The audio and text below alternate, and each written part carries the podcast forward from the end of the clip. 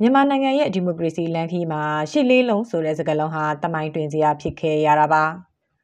နှစ်ပေါင်း35နှစ်ပြည့်ခဲ့ပြီဖြစ်တဲ့ရှစ်လေးလုံးရေးတော်ပုံအထိမ်းအမှတ်နေ့ဟာလက်ရှိຫນွေဦးတော်လှန်ရေးကာလအထိအသက်ဝင်နေစေပါ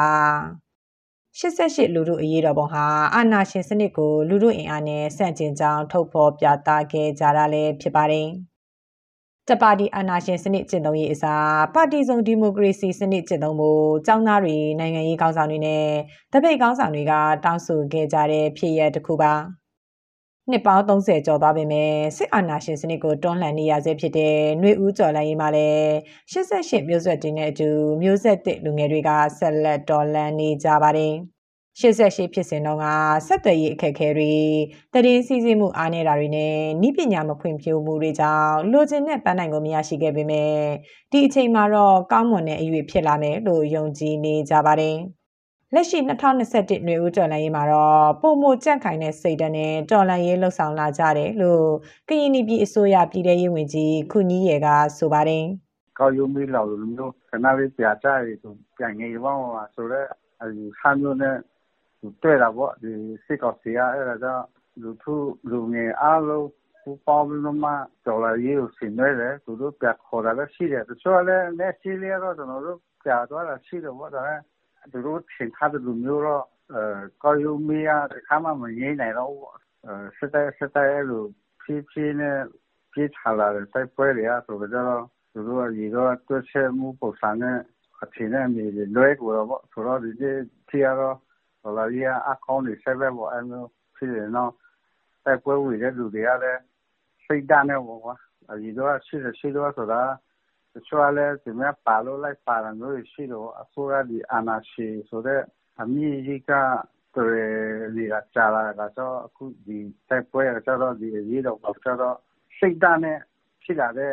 ခါစားချက်နဲ့ဖြစ်လာတဲ့ဒီ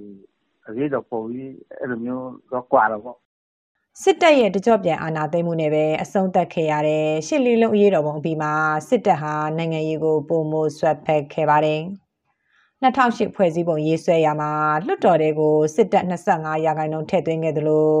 တိုင်းပြည်ကိုအချိန်မီအာဏာသိမ်းနိုင်တဲ့အခြေခံဥပဒေကိုထည့်သွင်းခဲ့တာပါ။ ဒီဖွဲ့စည်းပုံအခြေခံဥပဒေအရပဲ2010ရွေးကောက်ပွဲမှာစစ်တပ်ဘက်ကဦးသိန်းစိန်အစိုးရတက်ခဲ့ပြီး2015ရွေးကောက်ပွဲမှာတော့88အရေးတော်ပုံမှာထင်ရှားခဲ့တဲ့ဒေါအောင်ဆန်းစုကြည်ဦးဆောင်တဲ့အမျိုးသားဒီမိုကရေစီအဖွဲ့ချုပ်အနိုင်ရခဲ့တာပါ 1990ရွေးကောက်ပွဲတုန်းကလိုပဲအနိုင်ရပါတီကိုအာဏာမလွှဲခဲ့တဲ့စစ်ကောင်စီကအခုလက်ရှိ2020ရွေးကောက်ပွဲမှာအနိုင်ရပါတီကိုမဲမတမာမှုနဲ့ဆွဆွဲပြီးတိုင်းပြည်အာဏာကိုပြန်လည်သိမ်းယူခဲ့ပါတယ်။ဆယ်နှစ်တာဝန်ကျင်လောက်အတွင်းမှာပဲဒီမိုကရေစီအနှစ်သာရကိုမဆိုးမပို့ခန်းစားခဲ့ရတဲ့မြန်မာပြည်သူတွေဟာအာဏာသိမ်းလိုက်တဲ့နောက်မှာတော့အလွှာပေါင်းစုံကပြည်သူတွေတခဲနဲ့အာဏာရှင်စနစ်ပြုတ်ကျရေးအတွက်လက်နက်ကိုင်းတိုက်ပွဲဝင်လာတာပါ။ 88အရေးတော်ပုံအပြီးမှာပဲပေါ်ထွက်ခဲ့တဲ့ចောင်းသားတက်မတော် ABSDF က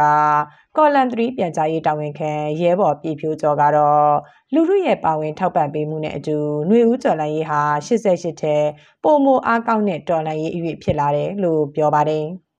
ဒီနေ့ဒီကောင်ကဗျာတော့ကျင်တယ်ဟေးဆိုပေါ့နော်လက်နက်တော်လိုင်းရေးလုံးမယ်ဟေးဆိုရင်တော့တဲ့တောင်တဲ့အခါ9ရက်10ရက်လောက်ကိုအနည်းဆုံးပေါ့နော်အဲတလ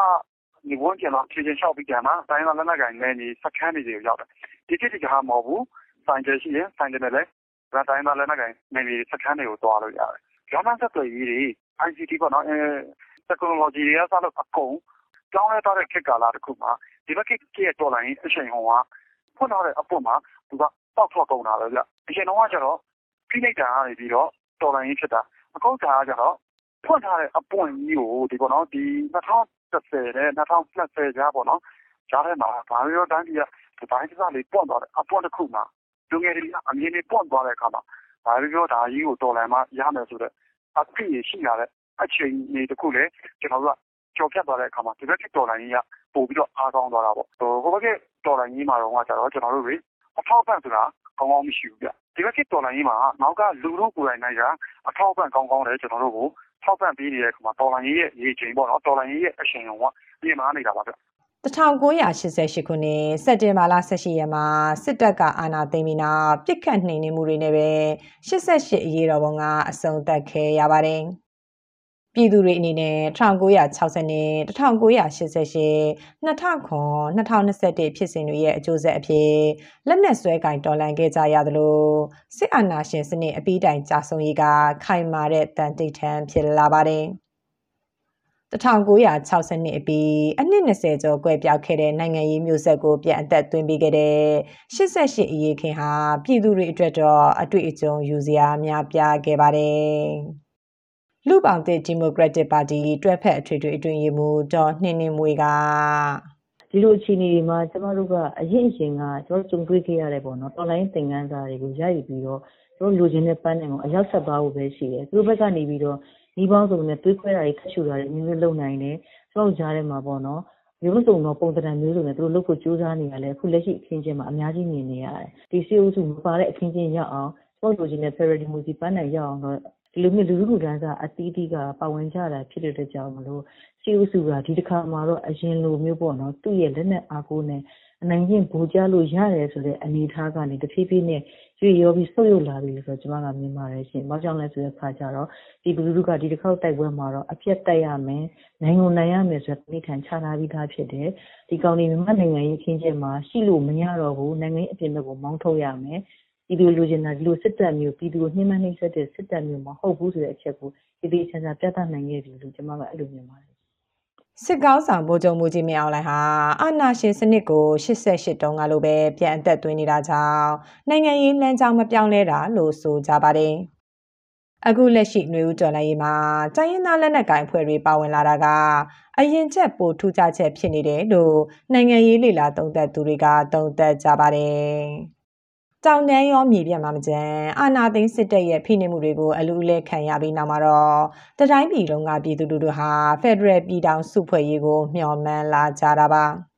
နှစ်90ကျော်ကြာပြည်တွင်းစစ်တွေကြားကခေါင်းဖော်မရဖြစ်နေတဲ့တိုင်းရင်းသားလူလူသားမကတပြည်လုံးကပါအများအပြားရက်တီလာကြတယ်လို့ဆိုနိုင်ပါတယ်။ ဒါဟာຫນွေဦးကျော်လန်ရေးရဲ့အကြီးမားဆုံးအမျက်ဖြစ်တယ်လို့ပြောလာသူက Chinland Joint Defense Force CJDC ရဲ့အထွေထွေအတွင်းရေးမှူးဇလိုင်းတီမီပါကျွန်တော်တို့တိုင်းသားတွေကဒေါ်လာရေးလောက်တာနှစ်ပေါင်း80ကျော်ပါပြီပေါ့နော်ဒါပေမဲ့ကျွန်တော်တို့ဒီတောင်းဆိုတဲ့ Federal ဆိုတဲ့အရာပုံမှာဒီ2021မှာဆိုရင်တော့ဗမာလူမျိုးတွေရဲ့ပါဝင်မှုကြောင့်အရင်တော့ဗမာလူမျိုးတွေမှာ Federal Democracy ဆိုတဲ့အရာတောင်မှစကားကနေမပြောကြဘူး ဒါပေမဲ့အခုချိန်မှာဆိုလို့ရှိရင်ဒီဗမာလူမျိုးတွေကတောင်မှ Federal Democracy ဆိုတဲ့စကားလုံးတွေပြောလာပြီဗမာပြည်ပေါ်ပေါက်လာရေးဗမာပြည်နယ်ပေါ်ပေါက်လာရေးဆိုတဲ့အရာတောင်မှ debate တွေကစအကုန်လုံးဒါတွေကတော်တော်လေးဖြစ်လာပြီဆိုတော့ဒီဒီအရာတွေကြည့်ချင်းအဖြစ်ကျွန်တော်တို့နိုင်ငံရေးရဲ့လာရကတော်တော်လေးကိုကျွန်တော်တို့ဒေါ်လာရေးတိုင်းတိုင်းလူချင်းတဲ့ Federal ဟိုရရှိဖို့ရအလားလာတော်တော်ကောင်းတယ်လို့အာကျွန်တော်ယူဆလို့ရပါတယ်။ဘာလို့လဲဆိုတော့ဗမာလူမျိုးတွေရဲ့ပါဝင်မှု Federal Democracy လမ်းကြောင်းကိုတွားဖို့ရအတွက်ဆုံးဖြတ်ချက်ဒီဟာတွေအကုန်လုံးကကျွန်တော်တို့တိုင်းသားတွေမြန်မာနဲ့အာဒီ Federal ဆိုတဲ့အရာဖြစ်လာဖို့ရအတွက်ဒါအလားအလာကောင်းဖြစ်တယ်လို့ပြောလို့ရပါတယ်88အရေးတော်ပုံမှာကရာချင်းစတဲ့တိုင်းရင်းသားပေါင်းစုံအပြင်တိုင်းရင်းသားမဟုတ်တဲ့မြန်မာပြည်ပွားနိုင်ငံသားတွေလည်းပါဝင်ခဲ့ကြပါတယ်။ဒါကြောင့်ပဲအဲ့ဒီအရေးတော်ပုံဟာမြန်မာတမိုင်းမှာအညီညွတ်ဆုံးကာလအဖြစ်သတ်မှတ်ခံထားရပါတယ်။ စစ်တပ်ရဲ့အကြမ်းဖက်ဖြိုခွင်းမှုတွေကြောင့်လူထုထောင်ချီတေဆုံးခဲ့တယ်လို့အရေးခင်ကိုတွေ့ကြုံခဲ့သူတွေကဆိုကြပေမဲ့စစ်တပ်ကတော့လူတရာပဲတေဆုံးခဲ့တယ်လို့သတင်းထုတ်ပြန်ခဲ့ပါတယ်။လက်ရှိဒေါ်လာရေးမှာတော့ပြည်သူ3800ကျော်တေဆုံးခဲ့ရပြီး2400ကျော်ဖမ်းဆီးခံထားရတယ်လို့နိုင်ငံရေးအကျဉ်းသားများကူညီဆောင်ရှောက်ရေးအသင်း AAPP စီးရင်တွေအရသိရပါတယ်။ 1988ခုနှစ်ကမအောင်မြင်ခဲ့တဲ့အာနာရှင်စနစ်တော်လှန်ရေးအတွက်ရောလက်ရှိ2021ຫນွေဦးတော်လှန်ရေးအတွက်ပါစစ်အာဏာရှင်စနစ်မပြုတ်ကြမချင်းရပ်တန့်သွားမှာမဟုတ်ဘူးလို့အသက်20ကျော်အရွယ်မုံရွာမြို့လူလူတပိတ်တိုက်ပွဲဥဆောင်ကော်မတီဝင်ကိုရှင်တန်ကဆိုပါတယ်ဒီမိုကရေစီဆိုရဲ့အရာကိုကျွန်တော်တို့ဆက်လက်ပြီးပြုပါမယ်ဆိုဆုံးဖြတ်ချက်ပြီးဖက်ဒရယ်ဒီမိုကရေစီပြည်အောင်စုပေါ်ပေါက်ရေးဆိုအဲ့ဒီနှစ်ခုမှာ အဓိကပဲကျွန်တော်နေမယ်လက်ရှိမျိုးတိုင်းရဲ့အရွယ်ကတော့တော့မောင်းနေတော့မယ်ဒါပေမဲ့နေရာတွေတော်ရဲ့ဟိုသတ်မှတ်ချက်တွေကြော်ခဲ့ပြီပေါ့ကြော်ခဲ့ပြီဆိုတာကဟိုမှတ်တိုင်အတီးမျိုးကြော်ခဲ့ပြီတော့နောက်ဆုံးအဲ့ဒီမှာဘန်းနိုင်ကိုကျွန်တော်ရောက်ဖို့အတွက်ကျွန်တော်လက်ပြီးဖြည့်တဲ့နေရာမျိုးဖြစ်တယ်။ဒါတော့နေနေထားရတဲ့မှာကျရင်ဒီဒီလူဟိုရဲ့အတွေးခေါ်တွေနိုင်ငံရေးအတွေးခေါ်တွေကိုရှင်းပြလာကြတယ်။ဟိုသိလာကြတယ်ဟုတ်ပြီ။အဲ့ဒါကဟိုသူတခုကောင်းမွန်နေအပြောင်းအလဲတစ်ခုကိုသိရှိကြရတယ်ပြီးတော့ဒီလူငယ်ပေါ့ကျွန်တော်တို့လူငယ်တွေကတိုင်းပြည်အတွက် အနာဂတ်အတွက်ဆိုတာဒီလူတွေလည်းမှာရှေ့တန်းကနေထွက်ပြီးတော့ရေရွှေချွတ်ထောင်တဲ့တိုက်ပွဲဝင်နေကြတဲ့အချိန်မှာပြည်သူလူထုရဲ့နိုင်ငံရေးအတွေးခေါ်တွေပြည်သူလူထုရဲ့နိုင်ငံရေးအတွေးတွေနဲ့ချင်းကြံလာတဲ့အခါမှာဟိုနောက်ဆုံးကျွန်တော်ရဲ့အကြီးအပန်းတဲ့ဖက်ဒရယ်ပြည်အောင်စုကိုရှောက်ရှိတဲ့အခါမှာကျွန်တော်တို့ချင်းကျတဲ့နိုင်ငံရေးအတွေးခေါ်တွေနဲ့တန်းကြဆက်လက်ပြီးတော့ပုံမှန်ပြလာအောင်လို့မြင်ပါတယ်ဟုတ်နှစ်ပေါင်း35နှစ်သက်တမ်းရှိခဲ့တဲ့ရှစ်လေးလုံးမှတ်တိုင်ဟာပြည်သူတွေရဲ့ဒီမိုကရေစီစနစ်အတွက်ယုံကြည်မှုကိုတက်သေးပြခဲ့ပါတယ်။ ဒါအပြင်တကြော့ပြန်အာဏာသိမ်းမှုကြားကຫນွေဦးတော်လှန်ရေးဖြစ်စဉ်မှာလည်း88မျိုးဆက်သားမကယနေ့ခေတ်လူငယ်တွေရဲ့ပါဝင်မှုကို ပြသနိုင်ခဲ့တာပါ။သူတို့အတွက်တော့ယုံကြည်ချက်နဲ့ခိုင်မာတဲ့စိတ်ဓာတ်တွေကိုစုပ်ကိုင်းရင်နိုင်ငံရဲ့ဒီမိုကရေစီအရေးအတွက်တော်လှန်ရေးခရီးကိုဆက်လန်းနေစေပါ။ဒီသတင်းဆောင်မကိုတန်လွင်ခက်ကပေးပို့ထားတာဖြစ်ပါတယ်။